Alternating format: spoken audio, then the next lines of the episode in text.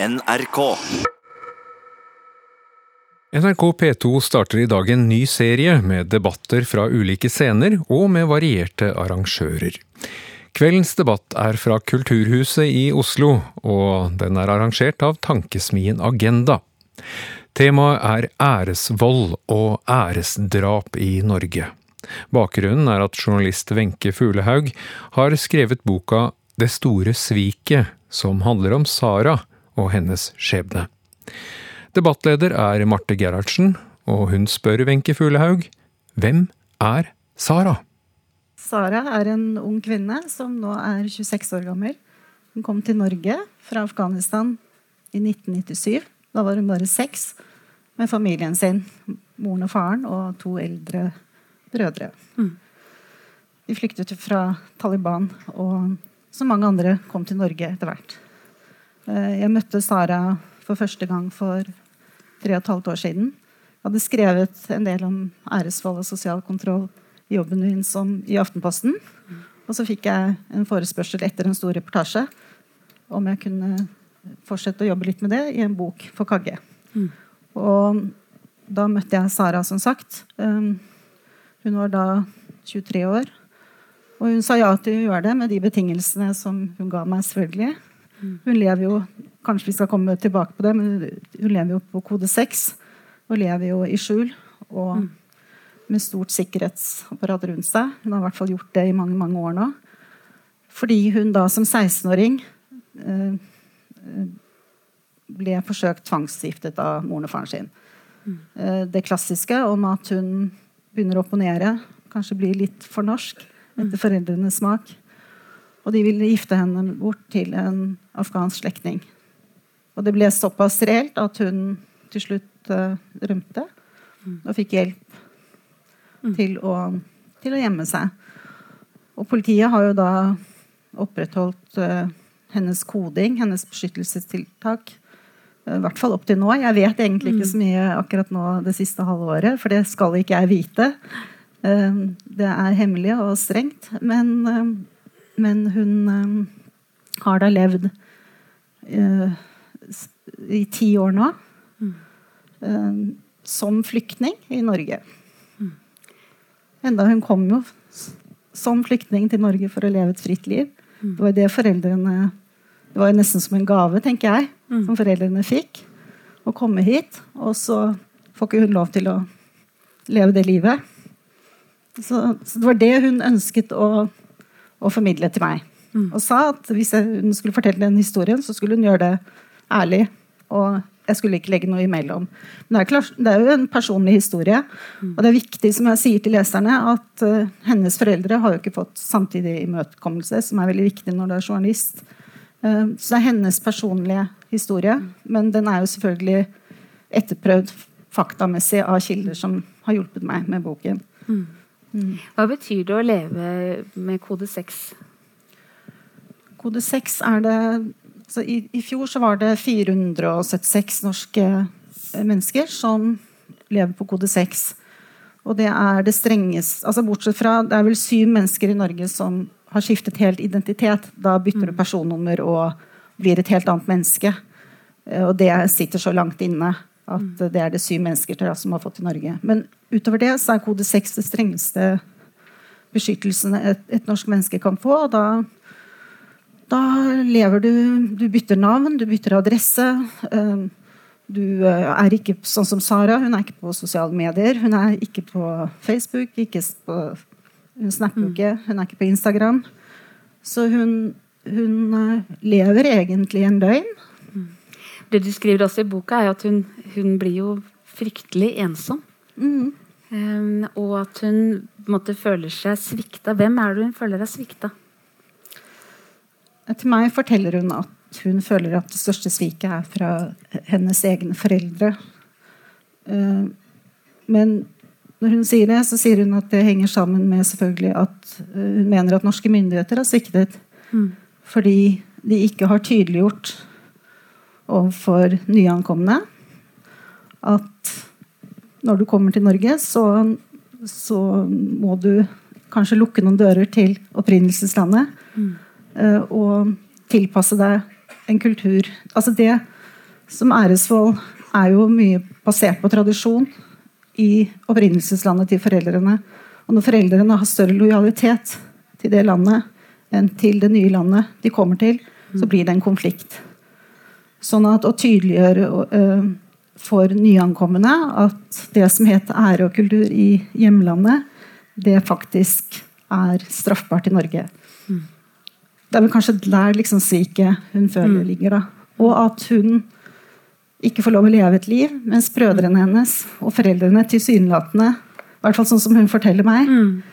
uh, de har visket henne bort. Og de fortsetter sitt liv, mens hun da egentlig er ganske revet i stykker. Mm. Hva ble du mest overraska over da du skrev boka? Jeg er veldig overrasket og også skuffet over at dette får lov å pågå. 50 år med arbeidsinnvandring og, og asylsøkere i Norge. Og så pågår det, og det kanskje øker også i omfang. Det har overrasket meg. Altså, man vet jo om det og har lest det, men i arbeidet med boken så syns jeg at eh, det har overrasket meg, meg mest. Og så er det jo også veldig mange andre ting som øh, altså Politikeren, som du nevnte selv. Vi har jo snakket om, om, mm. om det litt. At øh, selv jeg, når jeg skrev boken, følte meg ofte slem. Og hvordan kan man er dette, Kan jeg skrive om det? Kan jeg bruke disse ordene? Vi er opptatt av ordenes betydning. Mm. Og jeg mener jo at det er oppsiktsvekkende at ikke det er helt tverrpolitisk enighet om at vold mot barn, og vold i det hele tatt, uavhengig av alder, kjønn, etnisitet, det, det, det, kan man ikke akseptere. Så for meg er det litt sånn eh, at dette skal være noe egentlig vanskelig å snakke om. Det har overrasket meg. Men samtidig så har jeg også følt det vanskelig, spesielt når det kommer til mødrene. da. Mm. Eh, fordi de er ofre selv, og man har en idé om at mødre og kvinner de er jo ikke ondskapsfulle.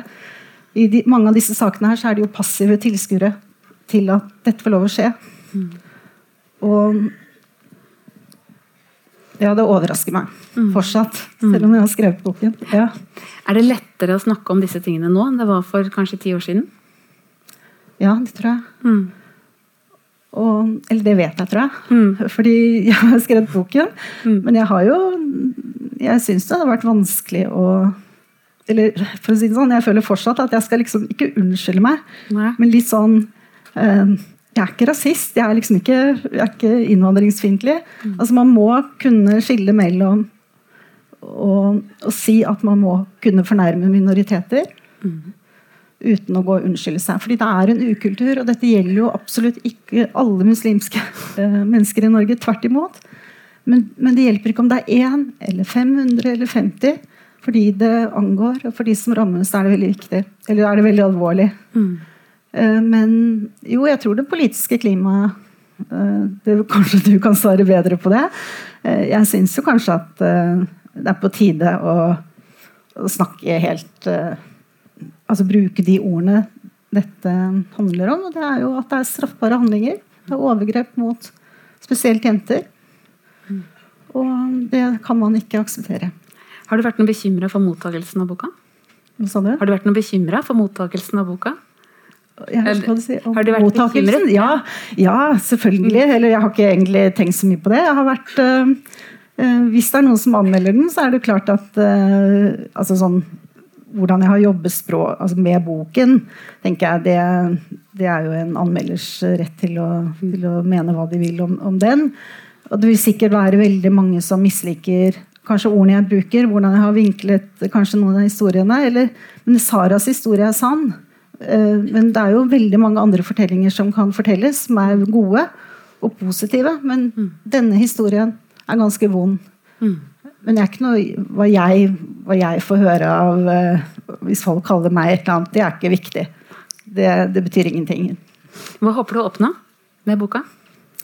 Jeg håper jo at uh, det er jo fantastisk at så mange mennesker har kommet hit i kveld. Så jeg tenker at hvis vi kan bare snakke om Det er jo snakket om, det er jo ikke, jeg har jo ikke gjort dette, jeg er jo ikke den første som har tatt opp dette temaet. Men hvis, kan, hvis vi kan tørre å, bruke de riktige ordene, og ikke være så redde for å såre hverandre eller, eller ja, Vi er så høflige her, da. Altså, vi er, vi, altså, Nordmenn er veldig høflige. Det er sikkert veldig mange som er rasister og er sånn og sånn, men de fleste mennesker i Norge er liksom, vi vil jo leve i fred med hverandre. Men jeg tenker at eh, den, jeg syns at norske myndigheter må være mye mer tydelige. Altså, jeg tror utydelighet det skaper veldig usikkerhet. Jeg tror Hvis nyankomne kommer til Norge og blir møtt med tydelighet, eh, så tror jeg Jeg tror ikke det er så veldig hokus pokus. Jeg vet ikke. Jeg stiller bare spørsmål. Det er i hvert fall en optimistisk avslutning. Mm. Gi Wenche en god applaus.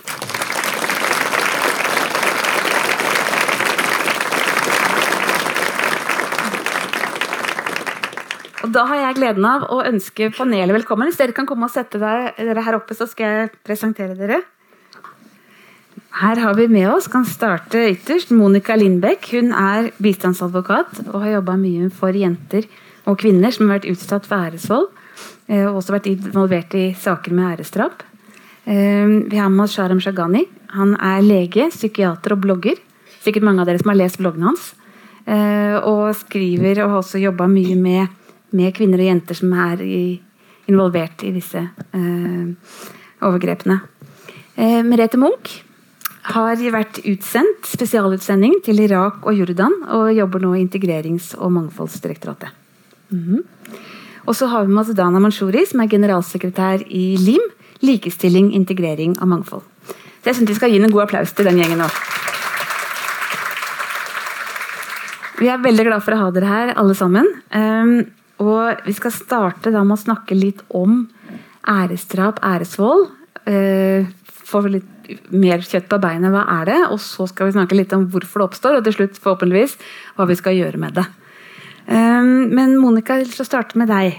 Du er jo da advokat og har jobbet med slike saker siden 1999. Antagelig en av de i Norge som kan mest om det. Eh, du var også involvert i, du var advokat i trippeldrapssaken, som eh, dommen falt i fjor. Kunne du si litt om den? Hva det handla om? Ja, det var en uh, norsk-pakistansk jente. Foreldre som kom hit på 70-tallet. Og hun valgte å gifte seg i strid med familiens ønske og gifta seg med en fetter, men hun hadde ikke fått tillatelse til å gifte seg med han. Og da ble det først gjort uh, mange iherdige forsøk på å få de til å skille seg. Og når ikke det lykkes, så ble det da utført drap på ektemann og svoger og svigerfar. Mm. Merete, du har jo vært da i Irak og Jordan og kommet i kontakt med ungdommer i veldig vanskelige situasjoner. Kan du si litt om hvordan får du kontakt med dem, og hva slags situasjon befinner de seg i? Mm. Um, min kontakt med disse utsatte norske mm. borgerne er jo da gjennom eh, den jobben jeg har hatt i utenrikstjenesten. Mm. Uh, som en del av det som er bistand til norske borgere i utlandet som trenger hjelp fra ambassaden. Mm. Uh, og det er Jeg har jobbet med mange saker vedrørende unge kvinner. både mindreårige og voksne. som da ber om hjelp fra ambassaden Gjerne via et tjenesteapparat i Norge. De tar gjerne kontakt med venner eller tidligere lærere. Tar kontakt med barnevern, politi i Norge, og sånn kommer da sakene til utenrikstjenesten. Mm. Uh, uh, den kontakten som uh, Når jeg er i kontakt med dem, så er det komplisert. Fordi da befinner de seg i en svært prekær nødsituasjon hvor konflikten i familien har eskalert. De er blitt etterlatt, truet med å, å bli tvangsgiftet, eller allerede tvangsgiftet. Eh, mange av dem er blitt fratatt eh, pass, penger, alt, alle dokumenter, og befinner seg eh, altså utsatt for frihetsberøvelse. Da. Mange av dem er lukket inne og låst inne i familienes hus i opprinnelseslandet. I landsbyen der de opprinnelig kommer fra. Um, så det er rop om hjelp under svært vanskelige forhold fordi de er så kontrollert mm. og eh, komplisert å hjelpe mm. dem. Mm. Og Hva kan dere gjøre egentlig fra utenrikstjenestens side? Eh, vi kan tilby dem det som da heter konsulær bistand i noen tilfeller, men det er veldig viktig um, to veldig viktige ting. Det er en forestilling i Norge både blant eh, nordmenn generelt, mm. eh, og også faktisk blant eh, tjenesteapparatet i Norge, politi, barnevern, skole og andre, om at er du norsk statsborger, så er det egentlig bare å vifte med et norsk pass der ute. Eh, og så kommer vi og redder deg ut tilbake igjen til Norge. Mm. Og sånn er det selvsagt ikke. Fordi eh, For det første så er norske myndigheters handlingsrom i utlandet begrenset fordi vi må forholde oss til eh, vertslandets lover og regler. Eh, som ofte er også svært forskjellig fra det regelverket og det lovverket vi har her. selvfølgelig. Eh, eh, det er det som er utgangspunktet. Og så er det i tillegg at disse sakene ofte oppstår eller skjer i land der norske myndigheter har reiseråd. Eh, og reiseråd, eh, det er eh, forskjellige nivåer på det. Men i land som f.eks. Irak, da, så har norske myndigheter Så fraråder norske myndigheter alle norske borgere å oppholde seg der. Så du har verken reise dit eller oppholde deg der. Og er du der, så bør du forlate landet umiddelbart. Så strengt er det. Og det er jo pga. Eh, risikosituasjon, sikkerhetssituasjon, uh, at det er krigslignende tilstander. Og mange av disse stedene har vi jo heller ikke eh, diplomatisk representasjon. Sånn at vi sitter i et naboland eh, og skal håndtere saker um, ja, i nabolandet. Så det er eh, veldig vanskelig. Mm. Eh, Sharam, du har jo behandlet mange kvinner og jenter som, liksom, som psykiater som har vært utsatt for æresvold, og som er, er engstelige. Kan du si litt om hva slags, uh, altså hva slags situasjon dine pasienter er i? Mm. Ja, altså jeg har uh, jobbet klinisk med den gruppen, ikke sant? så det er der jeg har min erfaring. Uh, jeg, jeg, kan dele de i tre grupper, egentlig.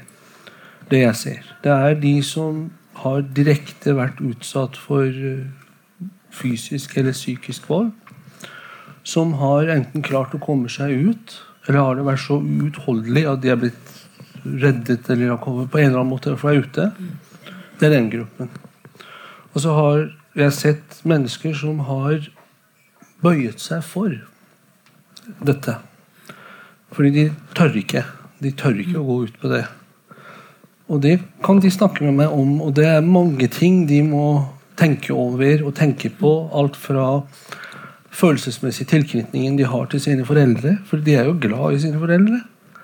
Og de har jo opplevd også ofte kjærlighet av disse foreldre. Så det er jo det som gjør saken enda mer kompleks. Vi sitter og kanskje tenker på at disse foreldrene er ondskapsfulle, også, men sånn er jo ikke mennesket. Mennesket er komplisert. Så de sitter ofte med en svær konflikt. Og så har jeg den tredje gruppen som egentlig de ikke vet at de er i en slik kultur. Det er ikke blitt klart for dem ennå at dette er ugreit.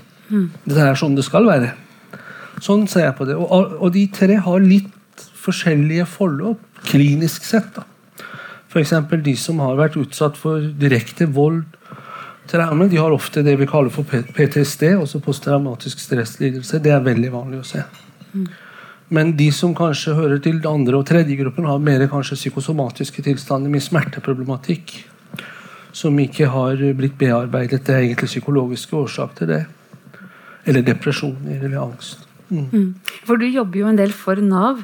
Og du sier jo at dette får også store økonomiske konsekvenser. I tillegg til at måte, jentene har det fælt, så, så fører det til at de også ikke kan jobbe. Ja, det, det har mange konsekvenser. Mm. Det er jo det individuelle konsekvenser som er jo selvfølgelig helt tragisk. Også, mm. Vi vet jo egentlig ikke hvor mange det, det er snakk om, men jeg tenker én er for mange.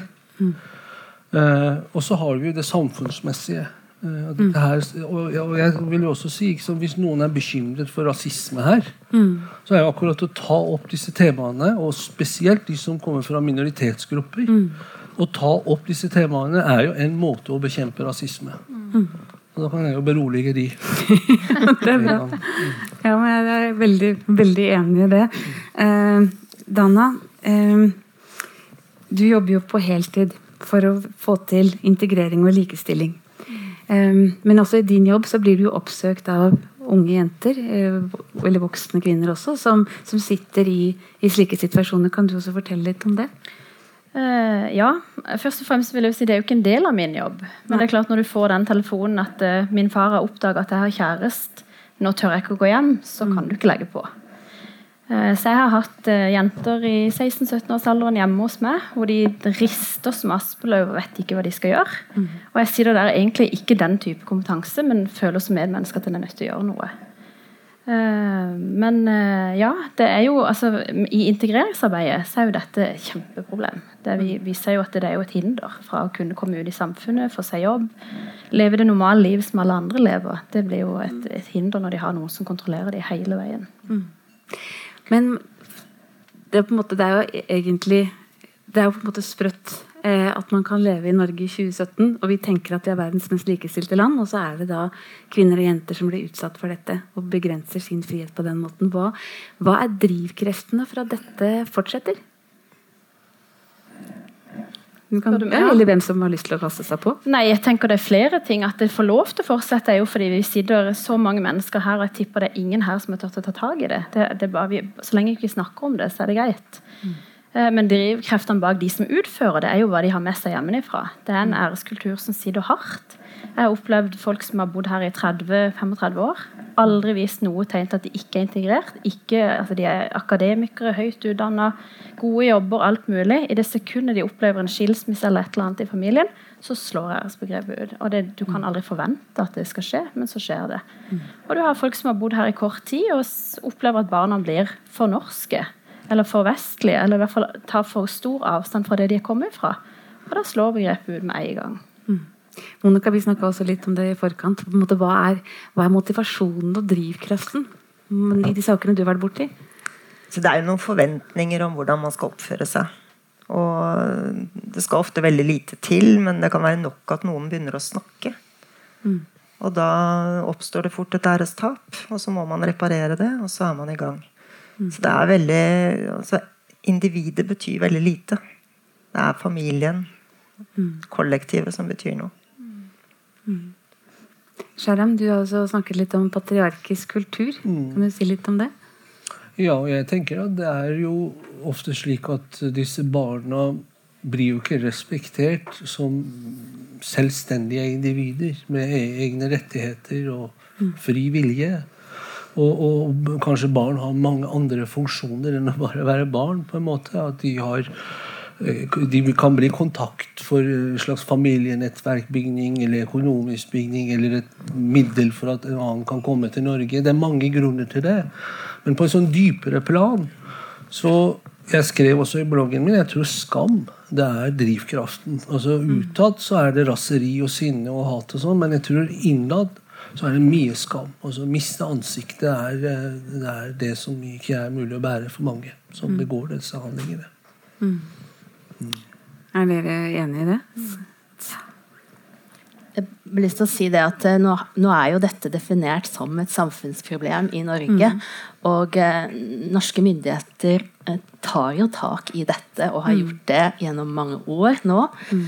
Eh, og den jobben jeg har hatt, mm. og mange med meg, som jobber både innen politi, barnevern og ulike deler av apparatet, tar jo dette nå inn over seg på en helt annen mm. måte enn tidligere, hvor jeg tror eh, vi hadde ganske mye eh, berøringsangst. Mm. Eh, nettopp av frykt for å tråkke noen på tærne, eller fordi vi ikke helt var litt redd for å gå inn i dette fordi det er så komplisert. Det har med kultur å gjøre, det har med ære og skam å gjøre. Dette her har vi ikke kompetanse til å gå inn i. Mens egentlig så handler jo dette om vold i nære relasjoner mm. og vold mot barn. Og om de er minoritetsbarn eller etnisk norske eller hva de er, så er vold mm. vold. Mm. Uh, og det, det, er jo noe vi ikke kan akseptere uansett. Så, så jeg tenker at, um, at uh, ja, vi har en vei å gå i Norge. Mm. Uh, med å bygge opp vårt apparat og bli flinkere til å se dette og tørre å ta tak i det.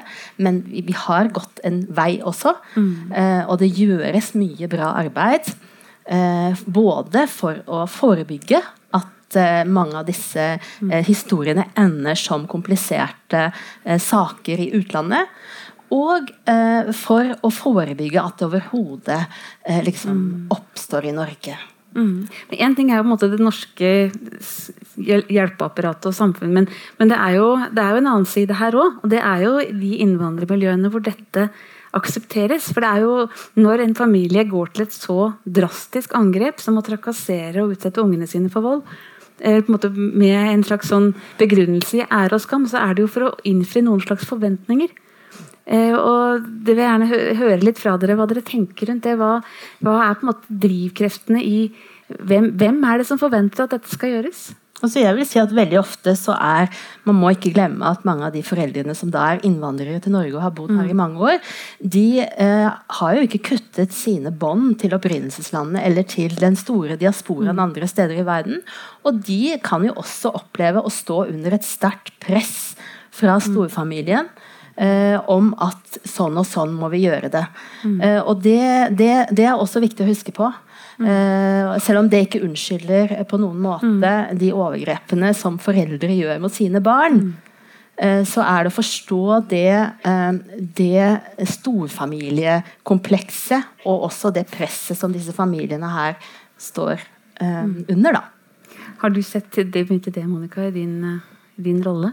Ja, jeg er helt enig i det. Men jeg, jeg, tror også det er et annet problem. Og det er at uh, annen og tredje generasjon her i Norge ikke tar et oppgjør med kulturen. Jeg kan bare ta et eksempel, sånn som uh, min klientet, trippeldrapssaken. da. Mm. Det ble jo mye debatt rundt den også i innvandrermiljøer. Da fikk jeg høre annen- og tredjegenerasjons pakistanere som har høy utdannelse, som uh, de syntes det var litt galt at hun hadde anmeldt sine egne foreldre. da. Det gikk jo ikke an å gjøre det. Og det er klart at Hvis den type holdninger lever i mm. beste velgående blant de som er født og oppvokst og utdanna her, så er det jo der man må ta et oppgjør også. Mm. Dana? Jeg bare tenker Den Oppegård-saken som vi just opplevde, som var liksom litt av bakgrunnen for alt, alle disse demonstrasjonene vi så i ettertid, det var jo tross alt søsken som er vokst opp her, som har mm. norske verdier, som har Altså En ting er hva foreldrene gjør som har tatt med seg dette, men de på en måte indoktrinerer jo alt som er i deres nærvær. Mm. Og får liksom barn ned i 15-årsalderen til å være med på å prøve å forsøke å drepe sin egen søster. Da tenker jeg Det er et problem, og det er der på en måte skillet går for oss. at dette er ikke eh, altså Dette kan ikke sammenlignes med vold i nære relasjoner i forhold til partnervold som vi opplever blant nordmenn. Eller at det er liksom en far som er sint, som tar ungen sin litt hardt. Dette, dette er grunnleggende. Dette har de tatt med seg. Dette ligger i ryggmargsrefleksen. At når æren er under trussel, mm. så fins det ikke noe vei utenom. Og det, De som har sett Iram Haq sin film, får et sånn snev av en følelse at faren har jo ikke lyst til å gjøre dette. Mm. Men han kommer ikke utenom. Det sitter to menn og liksom oppfordrer han til at her må du bare ta, og du må straffe henne så hardt at resten av samfunnet vårt ser at hun blir tatt. For dette kan smitte på de andre barna, de andre jentene i vårt samfunn. Så dette er en sånn kollektiv straff de driver med, som, som på en måte skal gi en smitteeffekt til alle andre jenter. Så det er litt annen mentalitet bak den, den vanlige, vanlige volden vi opplever i Norge. Da. Så det tror jeg er viktig å ha skille der. Mm. Jeg har bare lyst til å si én ting til i forhold til det. Og det er jo noe av det som gjør at det er så vanskelig å hjelpe disse gruppene også. Ikke sant? Fordi norske ungdommer som opplever familievold, de har ikke den bindinga til familien. De får støtte blant andre nordmenn. Mens eh, disse ungdommene her ofte ikke får det. De blir helt alene, og uten familie så er det ingenting du, som du sier, Merete, dette er, ikke, dette er ikke lenger noe man ikke snakker om. Myndighetene har begynt å ta tak i det, men vi har utrolig mye igjen å gjøre. Vi må gjøre mye mer for å avdekke hva som skjer. Straffeforfølge de som begår disse ugjerningene. Men enda viktigere er det å forebygge og hindre at det skjer.